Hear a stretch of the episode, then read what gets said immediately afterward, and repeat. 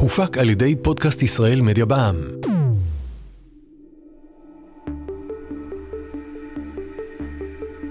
שלום וברוכים הבאים למטען חשמלי, הפודקאסט של חברת החשמל.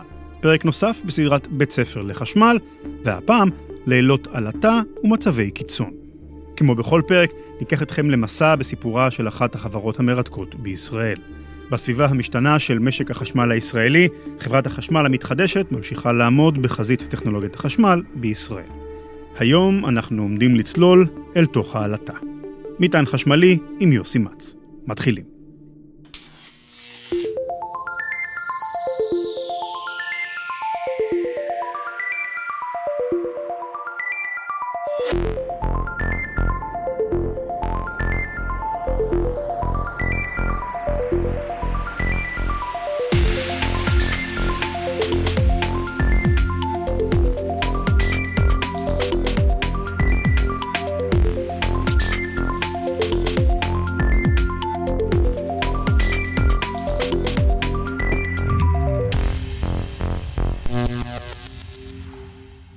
את הלילה שבין 13 ל-14 ביולי 1977, תושבי ניו יורק לא ישכחו. זה אמנם התחיל כערב שגרתי למדי. בתי הקפה, התיאטראות ובתי הקולנוע פעלו, ואם היה דבר אחד שהעיד על העתיד לקרות, היה זה מזג האוויר שהראה סימנים של חוסר יציבות. כאשר סופת ברקים החלה להכות בניו יורק. חברת החשמל של העיר, קון אדיסון, ייצרה רק חלק קטן מהחשמל שניו יורק צרכה. בלב המטרופולין הצפוף קשה לבנות תחנות כוח, ולכן בקון אדיסון העדיפו לרכוש את מרבית החשמל מתחנות במדינות שכנות, ולהוליך אותו אל העיר על גבי קווי מתח ארוכים. השעה היא 8.37 בערב. ברק פוגע באחד מקווי המתח הגבוה המזינים את העיר. על הקו הזה ממש מותקנת מערכת להגנה מפני ברקים, ולמרות זאת, דווקא מערכת ההגנה שעל הקו הפגוע לא פועלת, והזרם נפסק. עוברות עוד כמה דקות. שוב פגיעת ברק, הפעם בשני קווי מתח אחרים. מערכת ההגנה פועלת רק באחד מהם. בשני, הזרם נפסק. צריכת החשמל בניו יורק מגיעה באותו ערב ל-5,800 מגוואט. לשם השוואה, שיא צריכת החשמל בישראל כולה, שנשבר ב-2018, הוא 12,900 מגוואט. שני קווי המתח שנפלו הוליכו בסך הכל כמה מאות מגוואט, אלא שכעת, הקווים הנותרים צריכים לקחת על עצמם את העומס. ומה לעשות שהקיבול של כל אחד מכבלי החשמל הוא מוגבל. ב-8.55, בום! מכת ברק נוספת פוגעת בתחנת כוח גדולה מחוץ לעיר ומשתקת אותה לחלוטין. מהנדסי החשמל במרכז הבקרה של קון אדיסון מתחילים להיות בלחץ. תוך פחות מחצי שעה מאבדת ניו יורק כמחצית מאספקת החשמל שלה. לאף אחד מתושבי העיר אין מושג לאיזו צרה הם נכנסים, כי בבתים וברחובות החשמל ממשיך לזרום כרגיל. בינתיים. עלטה זה, זה איזשהו אירוע מאוד טראומטי. בשבילנו, לבעלי מקצוע, שכל התפקיד שלהם זה לייצר חשמל. מיכאל ביקסון, לשעבר מנהל תחנת הכוח רדינג בתל אביב, היה עד למספר אירועי קיצון במהלך הקריירה שלו. ופתאום כשאתה לא יכול לייצר חשמל, אתה גם לא יכול להפעיל שום דבר, אתה גם נמצא למעשה במצב של החושך בתחנה. ותחנה שהיא בלי אספקה, היא עושה מה שהיא רוצה. תחשבו, יש לחצים, טמפרטורות, צינורות זזים, כל מיני רעשים, מכות, מכות מים, זה משהו מטורף. לאנשי חברת קון אדיסון נותר גלגל הצלה אחד, שבעזרתו, ככה הם קיוו, יוכלו למנוע מרשת החשמל לקרוס. רשת החשמל הניו יורקית הייתה מחוברת לרשתות חשמל של מדינות שכנות, ניו ג'רזי, לונג איילנד ומדינות ניו אינגלנד. אלא שכאן לא מדובר היה בגלגל הצלה קטן, אלא בנטל כל רשת החשמל של ניו יורק. אחרי הכל מדובר בשעת ערב, אורות הרחוב, זוללי החשמל מהירים, והתושבים רוצים ליהנות מזמן המנוחה שלהם בבית הממוזג. באותו זמן, חברות החשמל של המדינות השכנות החלו לטלפן אל מרכז הבקרה של קון אדיסון. נתקו את הרשתות שלנו מרשת החשמל הניו יורקית עכשיו, או שאנחנו נעשה את זה בשבילכם. השעה תשע ועשרים. ברק פוגע ברשת החשמל של ניו יורק בפעם הרביעית באותו ערב, ומשתק קו מתח נוסף. מערכות ההגנה האוטומטיות של ניו ג'רזי וניו אינגלנד עושות את שלהן ופשוט מנתקות את ניו יורק מהזרם. העיר ניו יורק, על כל שמונת מיליון תושביה, צוללת אל תוך האפלה. זאת הייתה רק ההתחלה של הלילה.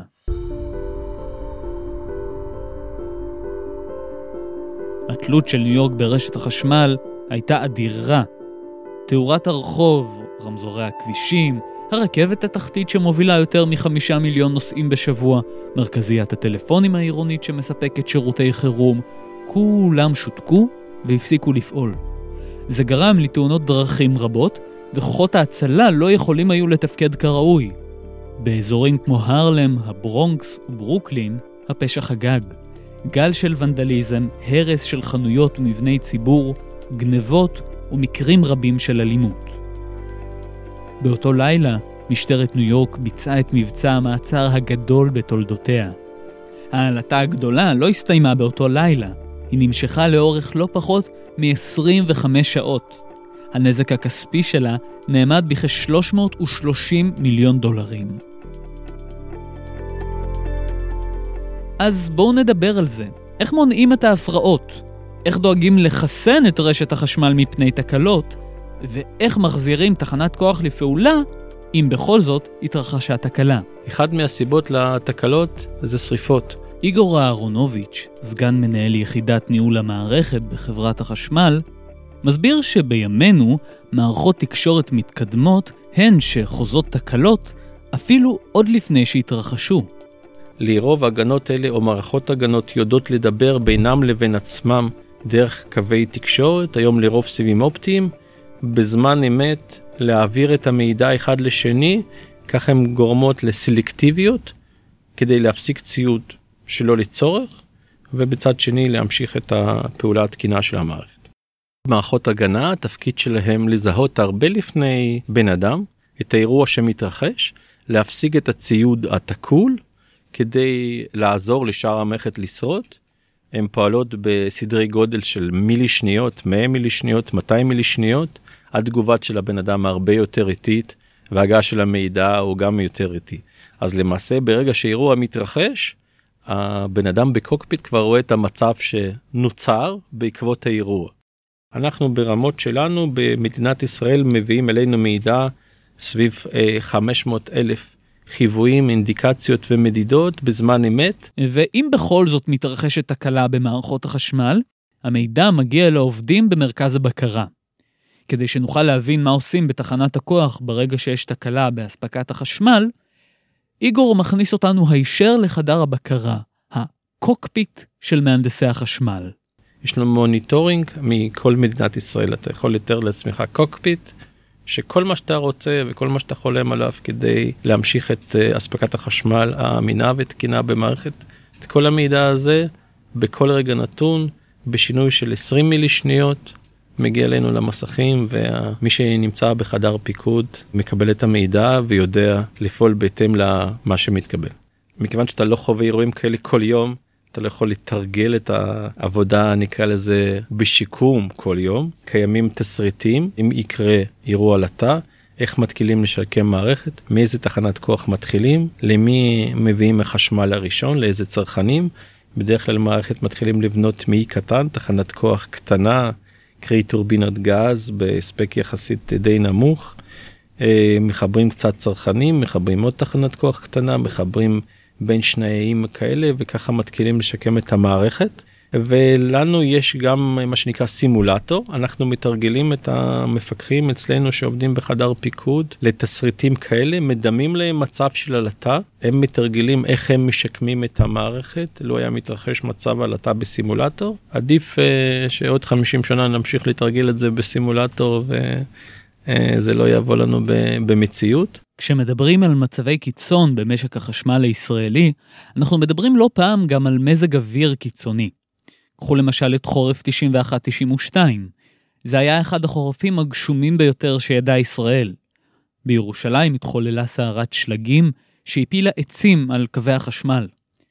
רשתות חשמל נקרעו וחלקים נרחבים מהעיר נותרו בלי אספקת חשמל, בקור עז, במשך יומיים. האספקה הסדירה לכל הבירה חזרה רק לאחר שלושה ימים. כשפונו כל העצים שקרסו, ניתן היה לתקן את הרשתות ולחדש את אספקת החשמל. לא רק ירושלים סבלה מאותו חורף. ברחבי כל הארץ, הקור העז גרם לעומסים כבדים על רשת החשמל ולשרפת נתיכים וכבלים. אזורים שלמים נותרו ללא חשמל במשך שעות. תיקון הרשתות הצריך תכנון ובנייה מחדש של חלקים שלמים מרשת החשמל, והגדלת החיבורים לבתים למאות אלפי לקוחות. עלות המבצע הסתכמה במאות מיליוני שקלים.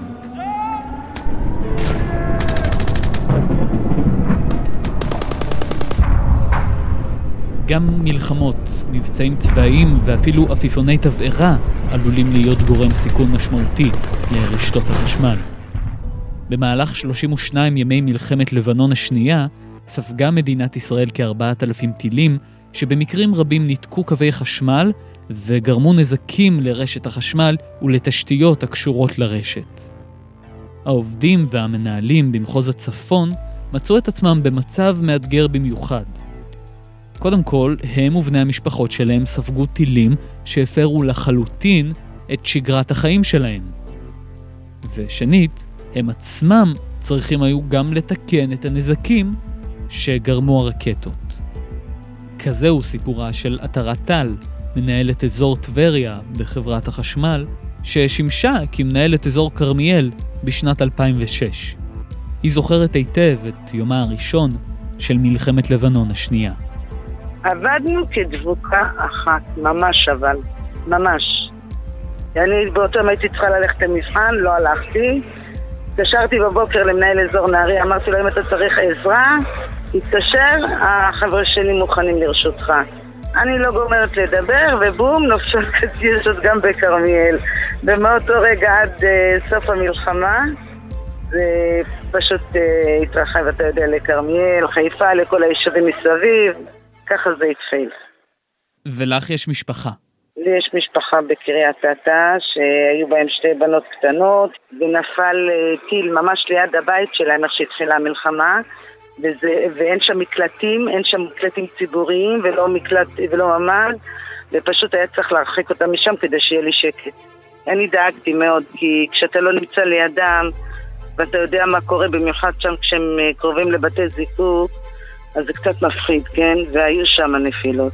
כשבני המשפחה שלה מצאו בדרום הארץ מפלט מהקטיושות, יכולה הייתה עטרה להתפנות לעבודה השוטפת. ומזאת לא היה חסר. עכשיו, הייתי שם את כל התקופה. שבועיים ראשונים ישנתי על כיסא, יחד עם העובדים. ככה התנהלנו באזור, כאשר אה, עשינו משמרות, כן? זאת אומרת, מהבוקר עד הערב, ובערב ישב, אה, נשאר משגיח אחד. ברגע שהייתה אזעקה, כשהיינו מקבלים מידע על אה, מקום שנפגע, אז כן, היינו יוצאים לשטח, והיו מקרים שהיינו בחוץ. כן, אני זוכרת אה, אירוע שנפגעה תחנה פנימית בכרמיאל, ואנחנו הלכנו, והקטיושות ככה לידינו הסתובבו. אבל אתה לא חושב, כשאתה יודע שהעובדים שלך בחוץ, אתה חייב לשדר להם איזשהו רוגע. למרות שבתוכנו, אני חושבת שגם מה שהניע אותנו כנראה זאת הייתה איזושהי שריטה שלנו, כן? כי אנחנו ידענו שזה בדיוק מה שאנחנו צריכים לעשות. והאמת היא שכאן, כל המערכת יחסים שקשרתי עם ראשי הרשויות, זה ממש עזר, כי ברגע שירדו טילים, ישר התקשרו והודיעו לנו ישירות, כן? לא היינו צריכים לחכות אפילו לביטחון שיודיע לנו. אה, ועל זה טבע את המשפט עדי אלדר, ראש עיריית אה, כרמיאל, עוד לפני שנפלו טילים, חברת חשמל הייתה בשטח. אם לא די בכך שבני המשפחה של עטרה צריכים היו לברוח מהצפון, מסתבר שגם ביתה שלה, בכרמיאל, נפגע תוך כדי המלחמה. איך שאני יוצאת מהבית זה מרחק של איזה חמש דקות מהעבודה. דקה לפני שאני מגיעה לאזור, אני שומעת את הזעקה. ממש. ואחר כך השכנים התקשרו אליי, לא הלכתי לראות את זה אפילו.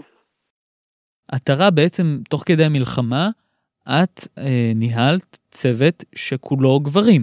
היית שם האישה היחידה. אני מנהלת האזור, האישה היחידה, הראשונה. ואני חושבת שנשים מביאות משהו שאין לגבר. בעובדה הרגש. עובדה שכולם הלכו אחריי, באש ובמים הם לא עזבו אותי לרגע. אז uh, אני חושבת שנשים מביאות איתן משהו שגבר לא מביא, וזה הקטע של הרגש. אני יודעת להיות uh, מאוד אסרטיבית ומאוד uh, דעתנית כשאני צריכה להיות. גם כאלה שלא היו אמורים להיות במשמרת, היו מגיעים.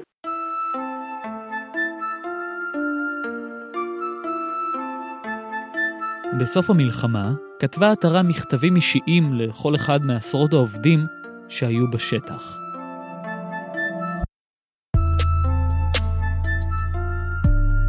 היום, רגע אחרי, אני מבקשת להודות לכם על העשייה הבלתי מתפשרת ועל תחושת המחויבות האישית והאכפתיות, שלא באו מתוקף חוק או צו כתוב, אלא מתוך מקור עמוק יותר, והוא צו לבכם, כתבה עטרת טל לעובדיה. וכדי לסכם את הנושא, מעניין לשמוע דווקא את הפרספקטיבה של יושב ראש חברת החשמל, יפתח רון טל, על הנושא. האזרח האמריקאי לעולם ישאל את עצמו, כשיש לו הפסקת חשמל, איפה לא הייתי בסדר? ואז הוא רץ וקונה גנרטורים, ומתקין עוד איזושהי הבטחה בבית, ואומר לעצמו, אני חייב להיות יותר בסדר כדי שיהיה לי חשמל. האזרח הישראלי לעולם ישאל את השאלה, איפה המדינה דפקה אותי? אני חושב שחברת החשמל באמת, באמצעות אה, יכולת ביצוע אין לי איך להגדיר אותה, אלא פנומנלית, עם מסירות שאין אותה בחברות אחרות. כל עובד בחברת החשמל רואה שליחות בכך שהוא יספק חשמל בכל מצב לאזרח, וכשהוא מקבל איזושהי התראה על הפסקת חשמל, אין בית, אין ילדים, אין חופש, רצים בתנאים הכי קשים, שוברים את כל כללי הרגולציה והביטחון, מטפסים על עמודים במצבים שבאף מקום אחר בעולם לא תראה חשמלאי מטפס על עמוד כך. כשיש שלג מטפסים על עמודים? בארצות הברית אין סרט כזה. אולי בסרט כן. אצלנו, בחברת החשמל הישראלית, לא רק שמטפסים, מביאים גם עובדים מכל המחוזות האחרים, בשביל לתקן כמה שיותר מהר את התקלה. אני גאה בזה.